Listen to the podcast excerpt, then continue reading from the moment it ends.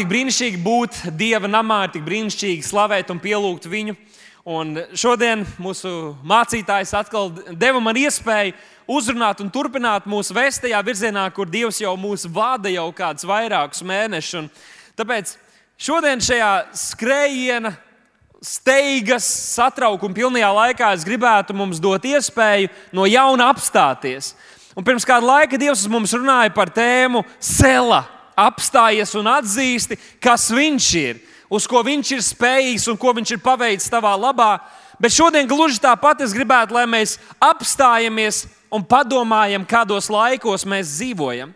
Lai mēs apstājamies un padomājam, kas mums ir dots un kas mums īsti šajā laikā ir jāizdara un kur mums tā sava enerģija, enerģija ir jādod. Un tāpēc šodien es runāšu par trīs pieturpunktiem, kurus vajadzētu ņemt vērā kristiešiem, kuri dzīvo Latvijā. Un, ja tev kāds tāds sēž blakus, tad lūdzu iebakst viņam, pasak, tas attiecas uz tevi. Tie trīs pieturpunkti, visi, kas jūs mūs skatāties online, ierakstiet kaut ko komentāros, sakiet, mēs arī esam pieturā. Un es uzreiz ķeršos klāt pie šiem punktiem, un pirmais no tiem ir pavisam vienkāršs un tajā pašā laikā fundamentāls. Un tas ir, ka mūsu vienīgais glābējs ir tas kungs. Pas, pateiksim to visu kopā. Mūsu vienīgais glābējs ir tas kungs. Un šeit, protams, es varu runāt par mūsu glābšanu, par mūžību, ko Kristus mums ir apsolījis. Un jūs jau zināt, ka mūsu garā mēs esam pilnīgi izglābti, bet mūsu dvēsele vēl tiek glābti, jeb ir procesā, atjaunojoties savā sirdsprātā, bet mūsu miesai ir dots apsolījums par glābšanu, jeb jaunu apskaidroto miesu, ko Dievs kādu dienu mums piešķirs.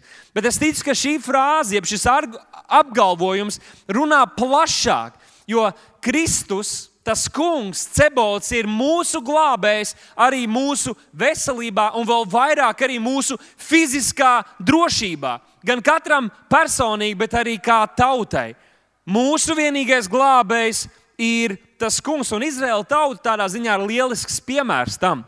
Jūs zināt, ja kādreiz jums cilvēki prasa, nu pierādi man, ka tas Dievs ir, tad tā vietā, lai mēs tagad meklētu visādus argumentus, viens jau pavisam labs arguments, kaut vai paņemam Bībeli vai paskatāmies uz globus, uz kartes un paskatāmies uz Izraēlu. Tas, ka Izraela pastāv vēl aizvien 21. gadsimtā, ir pierādījums, simtprocentīgs pierādījums tam, ka Dievs ir. Jo Dievs ir vienīgais viņu glābējs. Jā, gadu simtiem, gadu tūkstošiem garumā dažādas lielvaras un spēki ir gribējuši iznīcināt šo tautu, noslaucīt to no zemes virsmas, atņemt viņiem viņu zemi kas daļēji tiem arī ir izdevies, bet dievišķā spēkā viņi atguva daļu savas zemes, un dievišķā spēkā šī tauta vēl aizvien ir un pastāv. Un jāsaka, godīgi, ir daudz, daudz lielāka nekā mēs, lai gan zeme, kurā tie dzīvo, ir salīdzinoši mazāka. Kā viņiem tas ir izdevies? Vai tiešām tas, ka viņiem bija rietuma atbalsts un kādreiz Amerika ir nostājusies viņu pusē un kāda, kas finansiāli ir iesaistās un atbalsta viņus, vai tas ir viss? Nē, zinātājs zinās un sapratīs, ka bez dievišķas iejaukšanās Izraels vairs nepastāvētu. Nepastāvētu arī šodien. Un gluži kā otrā laika grāmatā, 7. nodaļā, Dievs saka, un mana tauta, kas pēc mana vārda nosaukta, ka tā pazemosies un pielūgs un meklēs manu vaigu, viņš saka, tad es un atgriezīsies no saviem ļaunajiem ceļiem, tātad no grēka. Tas runa par Dieva tautu, kas bija nošķirta no apkārtējām. Viņš teica, tad es viņus no debesīm uzklausīšu un piedošu viņu grēkus un dziedināšu viņu zemi. Tas ir noticis vairāk kārt, un tas notiks atkal, kad Izraēla tauta atmodīsies un patiesi atzīs un iepazīs Mesiju. Bet labi, Izraels tomēr ir salīdzinoši tālu, lai gan ilgi pat nav jālido.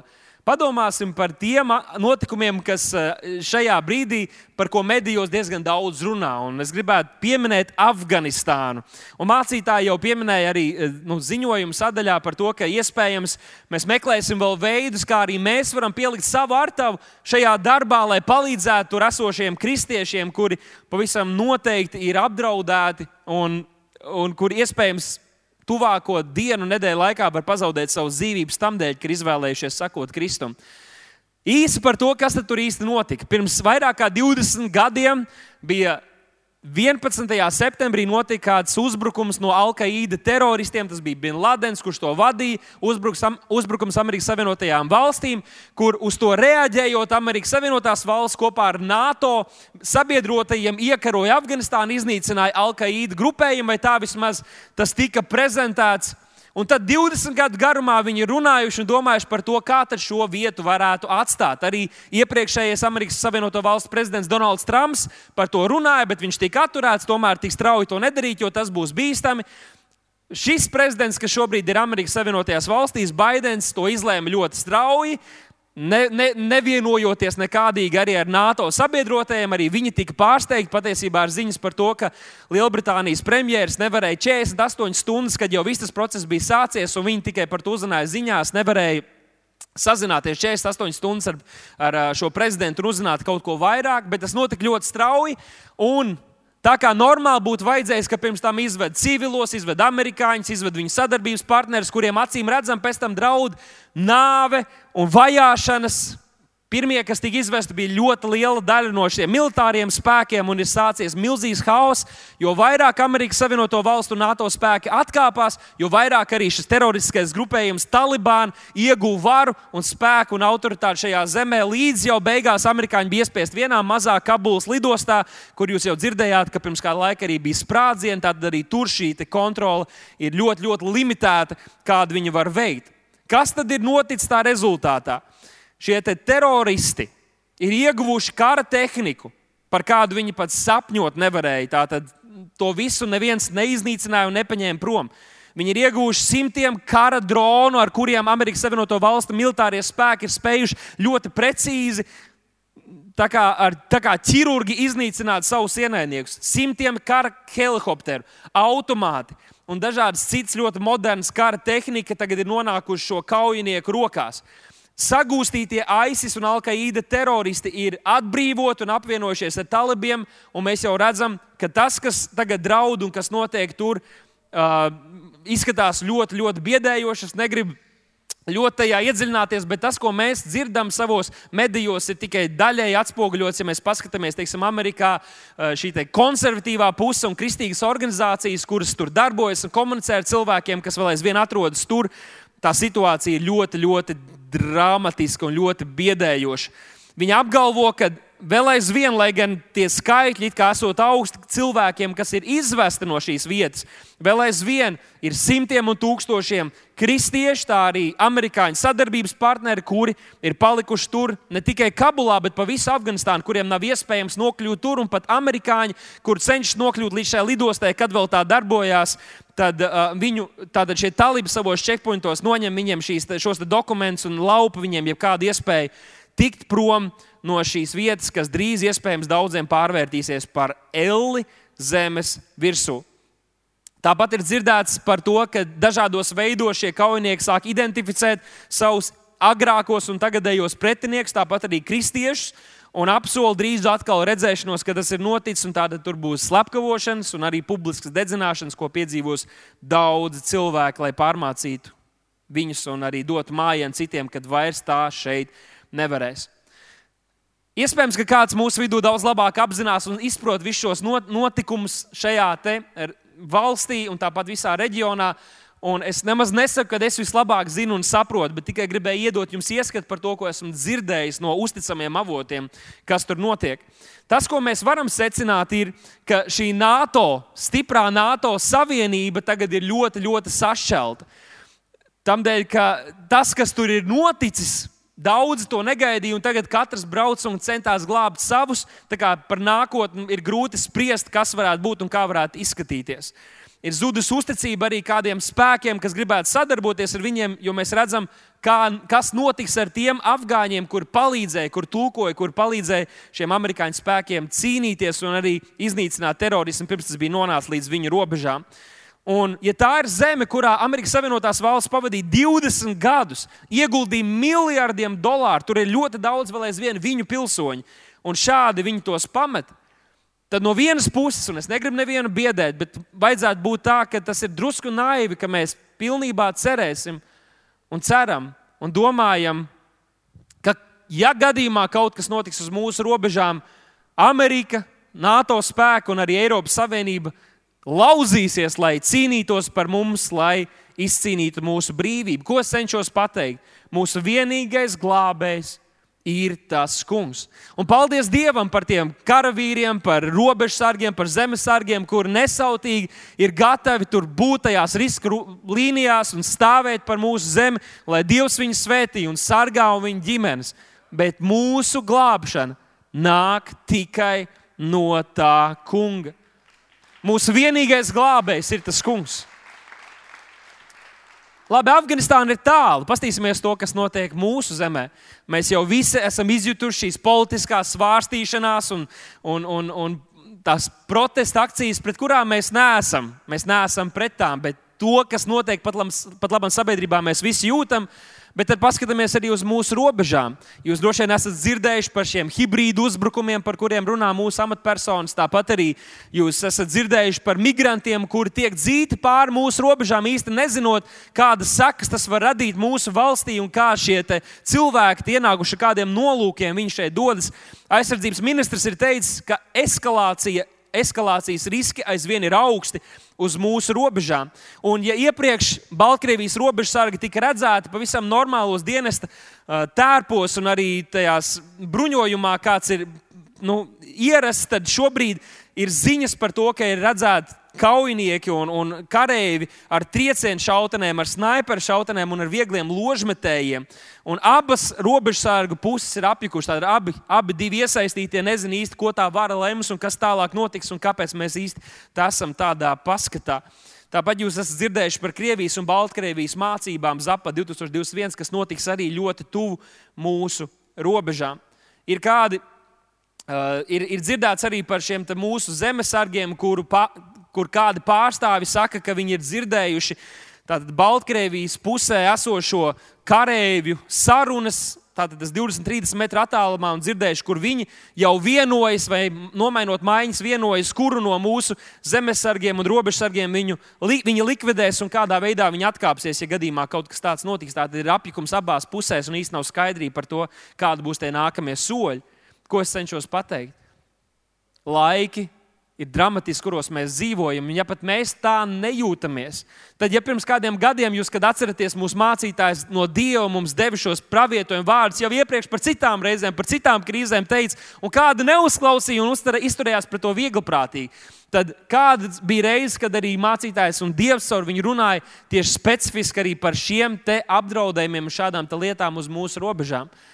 Un tas, ka šajā pravietojumā risinājums bija lab, labs priekš mums, mēs nedrīkstam to pieņemt kā pašsaprotamu.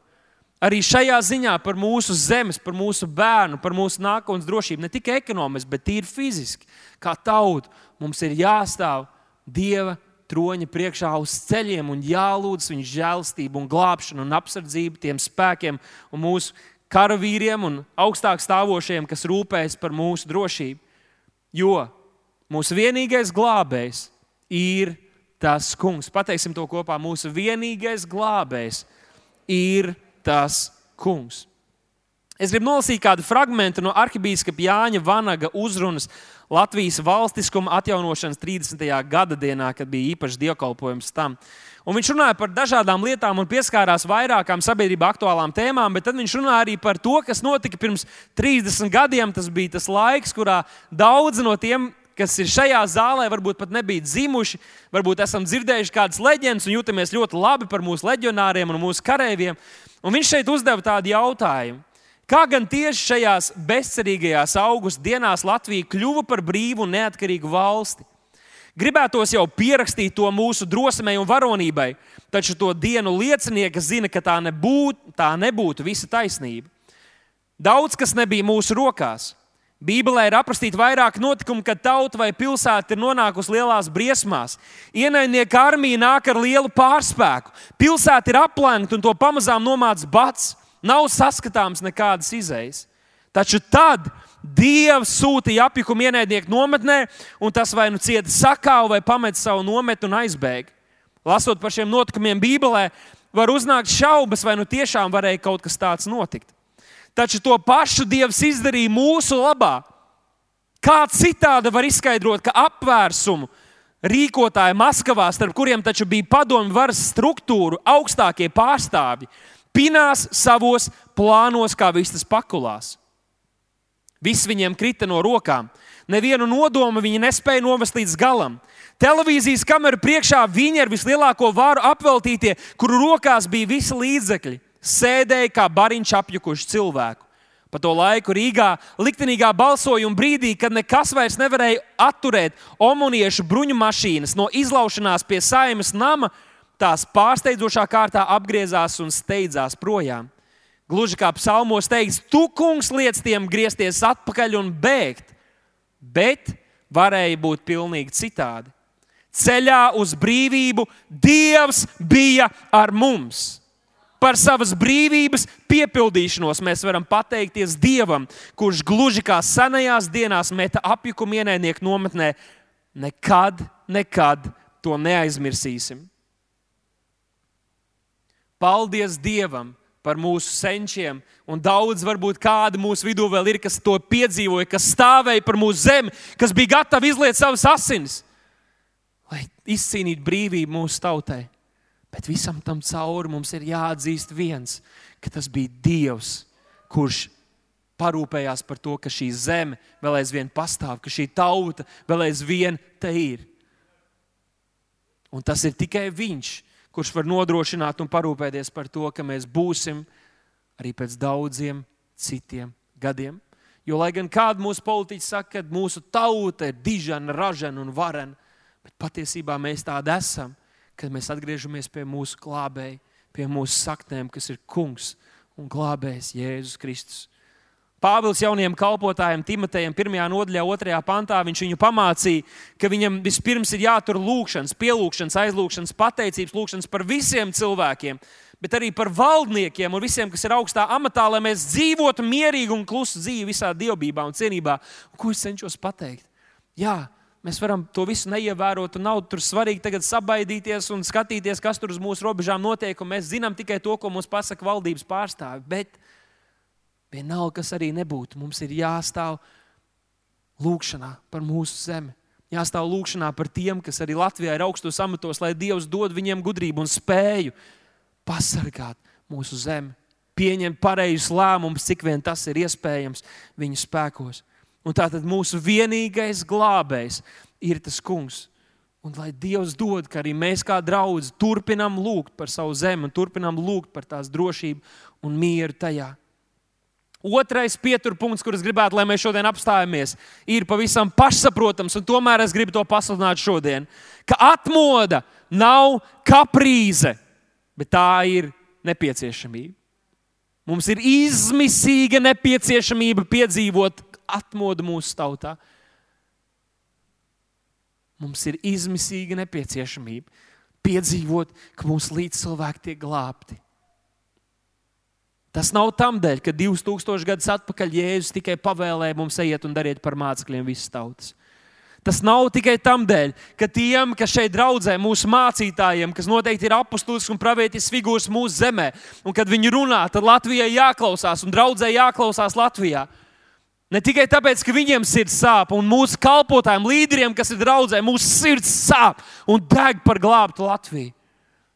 Bet paklausieties, mēs nezinām, cik ilgi vēl mums būs tik brīnišķīgi privilēģija, miers un iespēja sludināt evaņģēlīju, uzrunāt mūsu sabiedrību. Mūsu līdzcilvēki iet pazušanā.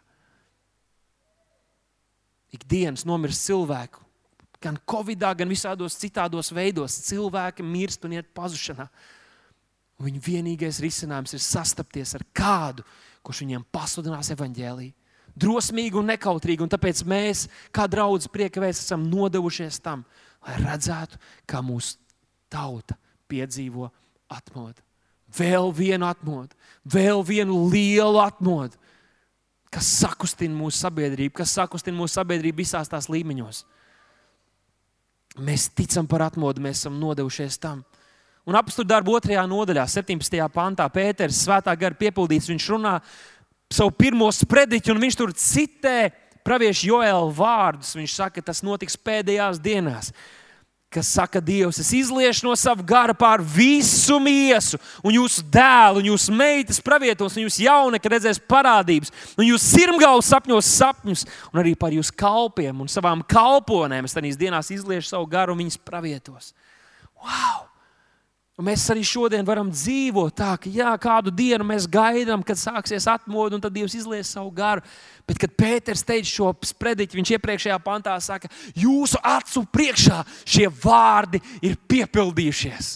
Tas, par ko pravieši runājuši vecajā derībā, tas ir piepildījies. Tagad Dievs ir izlējis savu garu izlaiž savu garu pār visu miesu, pār jauniem un veciem, pār ģimenēm un neprecētiem cilvēkiem. Dievs ir izlaiž savu garu, lai šajā laikā piepildītu savu nodomu caur savu draugu, kas ir spēks, kuram Ēlas vārti nevar stāvēt pretī. Un tie esam mēs un jūs. Un ko Bībele mūs aicina, uz ko Dievs mūs aicina šajā laikā? Piepildīties ar svēto garu. Piepildīsimies ar svēto garu no rīta, kad mēs pieceramies. Piepildīsimies ar svēto garu, lai staigātu, viņa vadītu dzīvi, soļus savā ikdienā. Kas mums ir jādara? Mums ir jādzīvo pārdabiskajā spēkā, šī ir pravietošana, redzot, ka gara dāvanas darbojās mūsu dzīvēm, bet vēl es gribētu uzlikt šo uzsvaru, ka te ir rakstīts, ka gan meitas pravietos, gan viņa kalponis pravietos. Tas nozīmē, ka tas ir īpaša loma sievietēm. Pēdējās dienās ir īpaša loma. Tā, viņas vienmēr ir nesušas savu smagumu, bet īpaša loma ir sievietēm būt un ieņemt savu vietu Dieva draudzē un Dieva misijā. Es personīgi jau vairākus gadus ticu un lūdzu, un es runāju par puiku, par vīru atmodu. Es ticu, ka mūsu draugiem Latvijā piecelsies vīri, kuriem nebūs bail nostāties un pasludināt. Un Atdot savas dzīves, evanģēlīja labā, kas stāvēs priekšgalā, būs kā prieks priesteris šajā draudzē, veidos draugus un mazās grupas pa visu Latviju. Bet laikā, bet tajā pašā laikā, arī sievietes, jūs esat oriģināls un brīnišķīgs radīts, un Dievs jūs dara stiprs un spējīgs šajā laikā izdarīt savu uzdevumu. Ja tev blakus sēž kāda sieviete, pasakā, tu esi izredzēts šim laikam. Ko es cenšos pateikt? Atmoda nav kaprīze, atmoda ir nepieciešamība. Mums ir nepieciešams to piedzīvot, mums ir nepieciešams lausties, izlausties cauri šim miegainumam un piedzīvot patiesu atmošanos mūsu tautā un arī draudzē. Jāņem evanģēlī 9. nodaļā, 4. pantā, Jēzus teica, man nākas strādāt darbus, tā darbs, kas man ir sūtījis, kamēr ir diena, bet nāk naktis, kad neviens nevarēs strādāt. Un mēs nedrīkstam uztvert to, ka šāda laika būs mūžīgi. Mācītājs pagājušajā svētdienā bija cēsīs un ļoti spēcīgi viņš sprediķi norunāja. Un viena no domām, kas man palika, bija, ka tā kā ir tagad, nebūs vienmēr. Tā nebūs vienmēr. Tā nebūs vienmēr. Bet kamēr ir diena, kamēr viss iespējas ir vaļā, Kamēr sociālie tīkli, sabiedrības telpas, kur mēs varam runāt, un pasludināt un liecināt, kamēr tas ir iespējams, mums tas ir jāizmanto. Jo atmoda nav kāda kaprīze, tā ir nepieciešamība. Iesaistīts grāmatas 43. nodaļā, 19. pantā, Dievs saka, redziet, es veikšu ko jaunu. Tas jau parādās. Vai jūs to neredzat? Viņš saka, es veikšu ko jaunu, un Jā, Salamans saka, nav nekas jauns zem saules, un tomēr Dievs saka, es darīšu kaut ko jaunu. Jā, jūsu vecāki piedzīvoja nelielu atmodu, atmošanos tautā. Jūs redzējāt, kā desmitiem un simtiem cilvēku nāk un nodod savas dzīves Kristum. Jūs daudz esat no tā laika vēl šajā draudzē un pie Dieva. Bet Dievs saka, es gribu darīt kaut ko jaunu, un jaunā veidā, un jaunā spēkā. Vai jūs to redzat? Vai jūs to redzat? Un pagājušajā svētdienā, pēc tam nedēļ, pa nedēļu runājot ar kādiem no draudzes kalpotājiem, viņi teica, ka Dāvidi, tad, kad tu teici, ka zālē ir elektrizēta atmosfēra, viņi teica, es to nejūtu. Es to nejūtu. Bet es ticu tam, un es pievienojos tam, par ko tu runā. Un, draugi, kādreiz mēs to jutīsim, kādreiz mēs to nejutīsim, bet mēs esam šeit, uzticoties Dieva vārdam. Mēs esam šeit, uzcoties Dieva vārdu, un mēs sakām, Dievs, dari kaut ko jaunu. Kungs, tas pats svētais gars, tas pats spēks, tas pats dzīvu mainošais spēks, bet mēs esam šeit. Dari kaut ko jaunu caur mums, dari kaut ko jaunu šajā mūsu vidū. Mēs katrs esam nodevuši savas dzīves, lai redzētu, kā tava griba piepildās Dievs, kā tava griba piepildās. Viņš tālāk saka, es likšu rasties ceļiem, tūkstnesī un upēm vientuļās kailotnēs Varbūt mēs jau gadiem ilgi lūdzam, un trešdienās un sapulcēs mēs sanākam un lūdzam, un it kā mēs redzam, ka cilvēki glābjas, bet mēs gribam redzēt vairāk, mēs gribam redzēt, ka mūsu līdzcilvēki glābjas. Mēs kā to neredzam. Šķiet, varbūt kādiem ir tūkstnesis vai kailatne, tad Dievs ir spējīgs tūkstnesi padarīt par auglīgu dārzu. 18. gadsimtā viens no, viens no ASV otrās lielās atmodas līderiem, Čārlis Finnijs, viņš runāja par atmodu. Un paklausieties, kādus vārdus viņš saka, jo jūs jau zināt, ka Bībelē tāds vārds atmoda vispār nefigurē, bet viņš te ļoti vienkārši paskaidro, kas atmoda ir.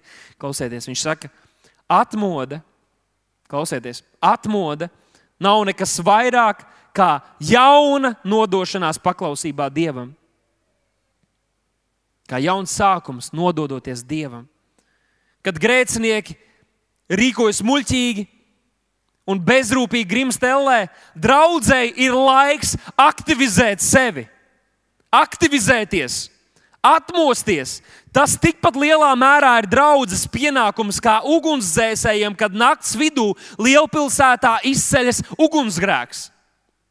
Viņi nedrīkst palikt guļot. Atmoda nāk no debesīm, kad varonīgs dvēseles iesaistās konfliktā, apņēmušās uzvarēt, vai mirt. Cīnīties par dievu gribu un cilvēku dvēselēm līdz pat nāvei. Saka, atmoda nav kaprīze, bet nepieciešamība. Un trešā pietura, pietura vieta, kuras gribētu, lai mēs pārdomājam, ir, ka brīvība ir mūsu nepelnīta privilēģija. Brīvība ir mūsu nepelnīta privilēģija. Mēs nedrīkstam to uztvert kā kaut ko pašsaprotamu. Mēs nedrīkstam ļaut mūsu bērniem to uztvert kā kaut ko pašsaprotamu. Mēs, kas esam desmitiem gadus dzīvojuši brīvā Latvijā, mēs to nedrīkstam uztvert kā kaut ko pašsaprotamu. Ne jau mēs paši izvēlējāmies vietu un laiku, kurā mēs piedzimsim. Tā ir Dieva žēlastība, ka mēs varam dzīvot svētītā Latvijā 21. gadsimtā un baudīja tik daudz privilēģijas un brīvības, kā neviens, neviena cilvēka grupa vēsturē. Kad es reiz pētīju un gribēju saprast, kā labklājībā dzīvojošiem cilvēkiem iemācīt saviem bērniem pateicību, vai ka viņi novērtē to, kas viņiem ir, jo tas nav pašsaprotami. Ir daudz vecāku, arī mūsu draudzē, iespējams, ir cilvēki, kas ir devuši ļoti daudz spēku un enerģijas, lai ne tikai parūpētos par sevi, bet arī par saviem bērniem par nākamajām paudzēm. Un viena no atslēgām, kuru es atradu, bija tā, ka šiem bērniem ir jādod iespēja redzēt, bet arī savā ziņā piedzīvot, pašiem izjust to, kā ir tiem citiem cilvēkiem, vai pašu valstī, kādās tālākās vietās, vai pat ārpus kādās trešās pasaules valstīs, redzēt, kā var būt, kā cilvēki dzīvo. Ja tad, tad pēkšņi, kad tu to redzi, arī es biju Nikaragvā, un kad tu atgriezies, pēkšņi tev viss liekas, kāpēc mums ir vajadzīgas visas tās greznās lietas, iegūst citu perspektīvu. Un es gribētu, ka arī šodien mēs drusku, drusku tajā ieskatāmies un to piedzīvojam. Vairāk kā 340 miljoni kristiešu, tātad mūsu brāļu, māsu Kristu Jēzu, dzīvo valstīs un vietās, kurās viņi piedzīvo ārkārtīgi augstu risku. Tātad tikt vajāti un diskriminēti viņu ticības dēļ. Viens no astoņiem kristiešiem pasaulē dzīvo šādās vietās. Tad izskaidiet, cik mēs te esam. Katrs astotais iedomājies, kad piedzīvo nāves draudu riskus. Ja mēs paskatāmies uz pasaules vērotāju sarakstu, kas ir tāda kristīga organizācija, Open Doors, kas katru gadu izdara kopsavilkumu par tām vietām pasaulē, kur ir visbīstamāk būt kristietim, uh, es kādu laiku atpakaļ papētīju šo, šo, šos rādītājus par pagājušo gadu. Un viņi te ir izveidojuši top 50, bet es gribētu jums parādīt top 10 tās valstis, kur būt kristietim nozīmē riskēt ar visu, kas tev ir. Un interesanti, ka šie rādītāji, ko arī uzrāda šī organizācija, ka šie rādītāji par tik daudz ciešanām un vajāšanām pret kristiešiem neliecina par to, ka draugi šajos rajonos mirst, vai ka kristieši klusē, vai zaudē savu ticību, vai novērš viens no otra, bet tieši otrādi, ka Dievs dara kaut ko jaunu. Kā jūs redzat, šajā kartē pārsvarā šīs vajāšanas tik augstā mērogā notiek tieši Āfrikā un Āzijā. Rajonos, kur valda hinduisms un arī islāms. Un tad es uzskaitīšu dažas no tām. Pirmā ir Ziemeļkoreja, kas jau 20 gadus ir pirmajā vietā, kā vieta, kur kristiešiem būt ir visbīstamāk. Jo, principā, ja atklāji, ka tu esi kristietis, tad tu esi vai nu miris, vai nonācis darba nometnēs, no kurām dzīves reti kurš iznāk ārā. Tiek lēsts, ka Ziemeļkorejā no 25 miljoniem 1,5% cilvēki ir kristieši. Tāda tomēr salīdzinoši liela daļa, un aptuveni tagad esot 50 līdz 70 tūkstoši kristiešu reāli tajās darba nometnēs, kur viņi principā tiek iznīcināti. Otrajā vietā ir mūsu pieminētā Afganistāna. Es gribu atgādināt, ka tas ir par pagājušo gadu, tātad laiku, kad jau 20 gadus rietumu spēki atbalsta islāmistisko varu tur uz vietas Afganistāna ir otrajā vietā pasaulē. Iedomājieties, kas notiks tagad, kad NATO spēki pilnībā atstās šo vietu un pilnīgi tums pārņems šo apgabalu. Trešā vieta - Somālija, kur kristieši tiek, ir, ir augstas vērtības mērķi islāmiskām teroristu grupām. Ceturtā vieta - Lībija, piektā - Pakistāna. Pakistāna ir starptautiski pazīstama ar netaisniem zaimošanas likumiem, kur īpaši strikt attiecas pret kristiešiem.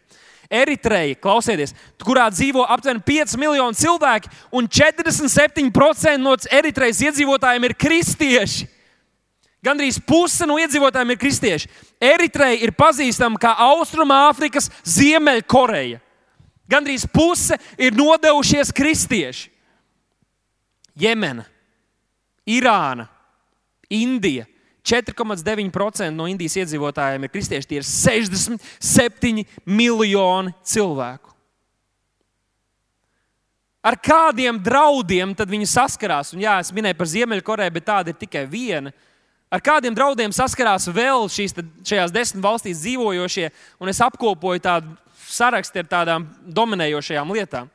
Sāksim no tām, kas ir it kā mazāk biedējošās pazemošana, iebiedēšana no ģimenes puses vai kādām sektām, kultu grupām. Zemāku un netīru darbu piešķiršana, tātad tiek uzskatīti cilvēki, kristieši par otrās šķiras pilsoņiem, kas, kam nav vispār nekādas iespējas dzīvē izsties vai parūpēties tā lādzīgi par savu ģimeni. Valdība noklausās viņa telefonus un organizē reidus gan draudzēs, gan arī kristiešu mājās. Un tad bez tiesas, bez nekādiem iemesliem, ja viņi atklāja, ka tiešām tu esi kristietis, tu nonāc uh, sagūstījumā, ieslodzījumā. Kas vēl? Izraidīšana no sabiedrības, no ģimenes. Ģimene atsakās no tevis, un tev ir jābēg prom, vai arī viņi var laupīt tavu dzīvību. Ieslodzīšana cietumos vai darba nometnēs nolaupīšana. Sievietēm, kuras izvēlējušās sekot Jēzum, un tas kādam kļūst zināms, ļoti liels risks ir tikt izvarotām un nonākt piespiedu laulībās, lai viņas tiktu atgrieztas pie vietējās dominējušās reliģijas. Nāves sots ir ļoti izplatīts šajās vietās, ja tiek atklāts, ka tu esi kristietis. Tas principā tev ir nāves sots, kur var izdarīt vai nu kādu valdības ierēģi, vai grupējumi, vai arī ģimenes locekļi, lai nosargātu savas ģimenes godu. Un tāpat ļoti daudzos gadījumos, ja noskaidrojas, ka kāds ir izlēmis sekot Jēzum Kristum, par to samaksā ne tikai viņi paši, bet viņu ģimenes, viņu sievas, viņa bērni. Ko es cenšos pateikt? Brīvība ir mūsu nepelnīta privilēģija. Tie nebijām mēs, kas mēs nopelnījām to, ka mēs varam dzīvot 21. gada Latvijā. Runājot ar cilvēkiem, kur dzīvo šajās vietās, ar kristiešiem, kur dzīvo šajās vietās, viņi apkopoja arī tādus ieteikumus par to, kā mums vajadzētu lūgt, kā mums kā draudzē vajadzētu lūgt. Jo, ja ķermenī vienam loceklim sāp, tad viss pārējais ķermenis arī viņam sāp līdz ar tiem.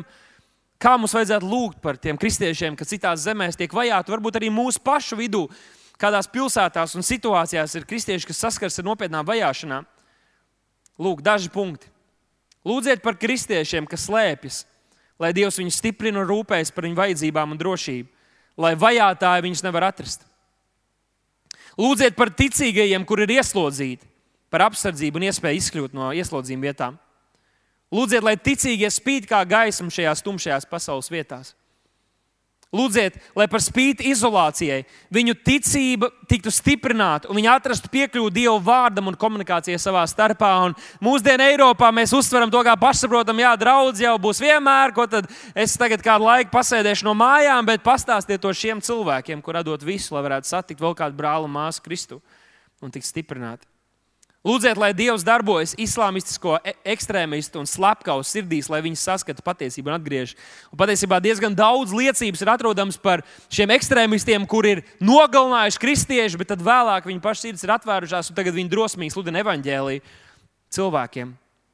Lūdziet par nogalināt, nogalināto kristiešu ģimenēm, lai Dievs viņus mierina un atbrīvo no sarūktinājuma. Lūdziet, lai aug stipras draudzes starp šiem ļaudīm. Brīvība ir mūsu nepelnīta privilēģija. Jūs noteikti esat dzirdējuši par kalpotāju evaņģēlistu Reinhardu Bonku, kurš 2019. gadā devās pie tēva, viņš to izdarīja 79 gadu vecumā, un tiek lēsts, ka savas kalpošanas laikā viņš pie Kristus atveda, un tātad cilvēki ne tikai pacēla roku, bet arī parakstīja kartiņu, un pēc tam centās kāds ar viņu sazināties. 79 gadu vecumā viņš aizgāja, un tiek lēsts, ka aptuveni 79 miljonu cilvēku viņš pieveda Kristumu vai tie atjaunoja savas attiecības ar Kristu.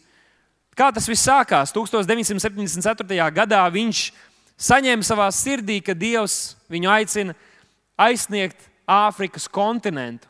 To, šodien jau mēs zinām, ka ļoti daudz kalpošanas tur darbojās, bet tajā laikā tas bija kaut kas jauns un neapgūta teritorija. Un ar mazu saujiņu savu draugu viņi sāka kalpot. Viņi gāja Bībeles skolu, viņi bija draugi svētīti, viņi sāka virzīties, lai redzētu šo atmodu, un savas dzīves laikā viņš piedzīvoja kaut ko milzīgu. Un tas ir tas, par ko arī mēs, draugi, ik pa laikam runājam. Viņa sirdī Dievs ielika kādu kalpošanu, kādu cilvēku grupu, kādu vajadzību, kurai viņš var būt risinājums. Un Es nevaru apsolīt, ka visiem, kas to vēlēsies, kas atsauksies Kristum, kas to centīsies darīt, ka viņiem būs tādi paši panākumi, ka būs tikpat daudz resursu, kā viņiem tagad ir. Un tomēr, ja mēs paklausām Kristum, viņš var izdarīt lielas lietas, un nekas daudz nav vajadzīgs. Ja Dievs ieliek tavā sirdī, sāc rīkoties, sāc lūgt par to, atrod kādus dažus domu biedrus un, un, un rīkojieties. Un, es, un mēs, kā draugi, mēs gribam jūs palīdzēt, jūs ekipēt un izsūtīt, un, lai, lai jūs varat darīt to, kas, ko Dievs ir ielicis jūsu sirdī. Gan mums kopīgi ir jādara lietas, bet arī katram personīgi ir aicinājums no Dieva. Un Reinhards Bonke ir teicis šādus vārdus lai manas mirstīgās lūpas sludina tavu mūžīgo evaņģēlīju, un lai manas mirstīgās rokas ceļ tavu mūžīgo valstību tēvam par godu. Interesanti, ka viens no viņa veiksmju stāstiem ir tieši Nigērija, kas ierindojās 9. vietā, kā viena no bīstamākajām vietām, kur kristiešiem dzīvot. Es paskatījos, kā viņam ir veicies viņa, viņa kalpošanas laikā, un tie rādītāji ir vienkārši neticami. Nigērijā šobrīd 46% no 206 miljoniem ir kristieši. No tiem iedzīvotājiem gan īsi puse ir kristieši. Tie ir gandrīz 100 miljoni dedzīgi nodevušies kristieši tam kungam.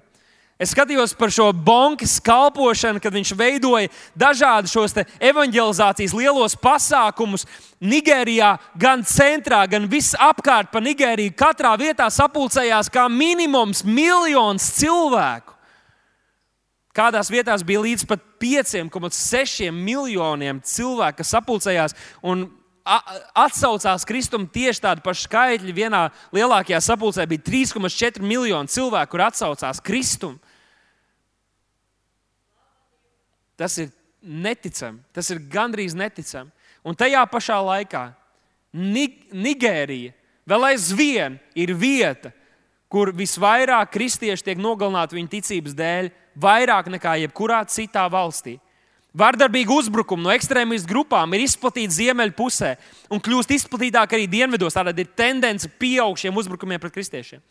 Kareivi bieži nogalina kristiešu, iznīcina viņu īpašumus un ienākumu avotus. Kad es šo saliku kopā ar to, ko redzam šajās liecībās un video par to, ko Dievs dara darīt ar šo kalpošanu, un vēl aizvien dara, un saliec kopā ar šiem draudiem un riskiem, zem kuriem šie cilvēki dzīvo, šie kristieši. Tas man izveidoja mazliet citu skatu uz to, kas tur notiek. Tad, kad mēs redzam, ka tur tie tūkstoši un simti un miljoni sanāk kopā, varētu domāt, un mums tā šķiet, ir forši sanāk kopā. Redz, cik mēs esam daudz. Mums nemaz nav jāuztraucās. Gan jau kāds cits darīs to darbu, kas mums ir jādara, bet viņi sanāk kopā. Jo viņi saprot, ja viņi izvēlas Kristu, viņi principā atdod savu dzīvi pavisam praktiski viņam. Ļoti liela iespējamība, ka aizejot mājās, būs kādi, kas tevi diskriminēs, kas tevi vajās, kas centīsies tevi pazemot un var arī tevi nogalināt. Kad viņi sanāk kopā, es, es nezinu konkrēti, iespējams, ka viņi lūdz par saviem vadītājiem, bet vis, visdrīzāk viņa lūgšana nav par kristīgu valdību vai kaut kādām tādām lietām, kas arī būtu labi. Bet viņas sirds ir pilnas ar sāpēm par savu tautu. Jo viņi zina, ka tikai evaņģēlijas var izmainīt šīs tautas sirdi. Tikai evaņģēlijas var aizskart un izmainīt šo tautu. Un vairāk par visu to, tiem draudiem. Viņi ir pārņemti ar šo evaņģēlīju vēstu, lai redzētu, kā arī viņu brāļu un māsas, kuri viņus vajā, kur iespējams grib viņus nogalināt, kā arī viņi sastopās ar mīlestību, kas var izmainīt viņu dzīves. Un tāpēc šodien es gribētu, lai mēs pēc mirkļa lūgtu. Un, ja viena lieta, ko, kāpēc es sludinu šo vārdu, kas ir manā sirdī, ja tas jau būtu bijis tā vērts, tic, ka tas ir no Dieva ielikts. Ka ja mūsu vidū būtu cilvēki, kas šodien aiziet mājās, varbūt neemocionāli uzmundrināti un aizrautīgi, ne, neemocionālā pacēlumā, bet aiziet mājās, nodevušies, lūgt par atmodu mūsu tautā. Neizlaist dienu, kad tu stāvi Dievu priekšā uz ceļiem, meties viņu priekšā par glābtu Latviju, par atmošanos mūsu draudzē. Ja būtu kādi, kur sirdīs ienāk šī deksma un vēlme lūgt par kristiešiem, kas citās zemēs tiek vajāti, kuriem ir vajadzīga mūsu aizlūgšana, un, un tas, ka mēs nesam viņu savām lūgšanas rokām un darām to, ko mēs esam spējīgi vai neesam spējīgi izdarīt, Ja būtu kādi, kas aiziet mājās un teikt, nē, Dievs, es gribu izmantot šo brīvību, kas man ir dota, un katru dienu izmantošu iespējas, lai pasludinātu evaņģēlīju, lai runātu uz cilvēkiem par šo brīnumu, ko tu esi paveicis mūsu labā. Tas jau būtu pietiekoši. Un es jums gribu parādīt vienu video, pirms mēs lūdzam, es gribu parādīt jums kādu video, kur pirms vairākiem gadiem Reinhards Bonke atrodas šajā Nigērijas pilsētā Lagos. Un tur ir sapulcējušies miljoniem cilvēku un miljoniem ir atsaukušies viņiem, zinot, ka tas var maksāt viņiem dzīvību. Visu savu cerību liekot uz viņu. Un tad viņš saka, sauksim mūsu dievam, aleluja. Un agrāk, kad es biju redzējis šo video, tas man likās, nu labi, ir, tas ir vienkārši baigais hype, un afrikāņi vienkārši ir tādi. Bet varbūt, varbūt, ka viņi to dara. Tādēļ, ka viņi apzinās, ka viņa vienīgā drošība ka viņa vienīgais glābējs ir tas kungs. Varbūt viņi to dara, jo viņi apzinās, ka atmoda nav viņa kaprīze, ka tas ir viņa nepieciešamība. Varbūt viņi to dara tam dēļ. Varbūt viņi to dara tam dēļ. Varbūt viņi to dara tam dēļ, ka viņi apzinās, ka brīvība, ka brīvība ir privilēģija un dāvana no tā kunga.